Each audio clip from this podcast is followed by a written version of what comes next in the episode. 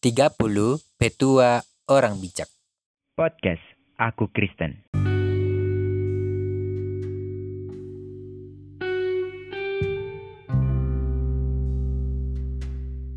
Petua Orang Bijak yang ke-23 dari kitab Amsal pasal 24 ayat 8 sampai 9 firman Tuhan.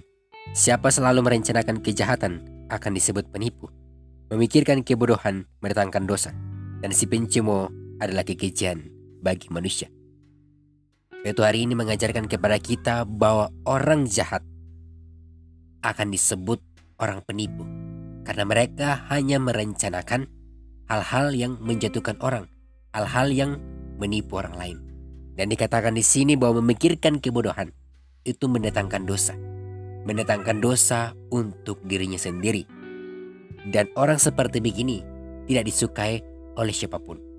Manusia saja tidak suka kita, apalagi Allah pasti tidak suka dengan kita kalau kita menjadi orang jahat, selalu merencanakan kejahatan kepada orang lain. Jadi marilah menjadi orang yang bijaksana, jangan menjadi orang jahat.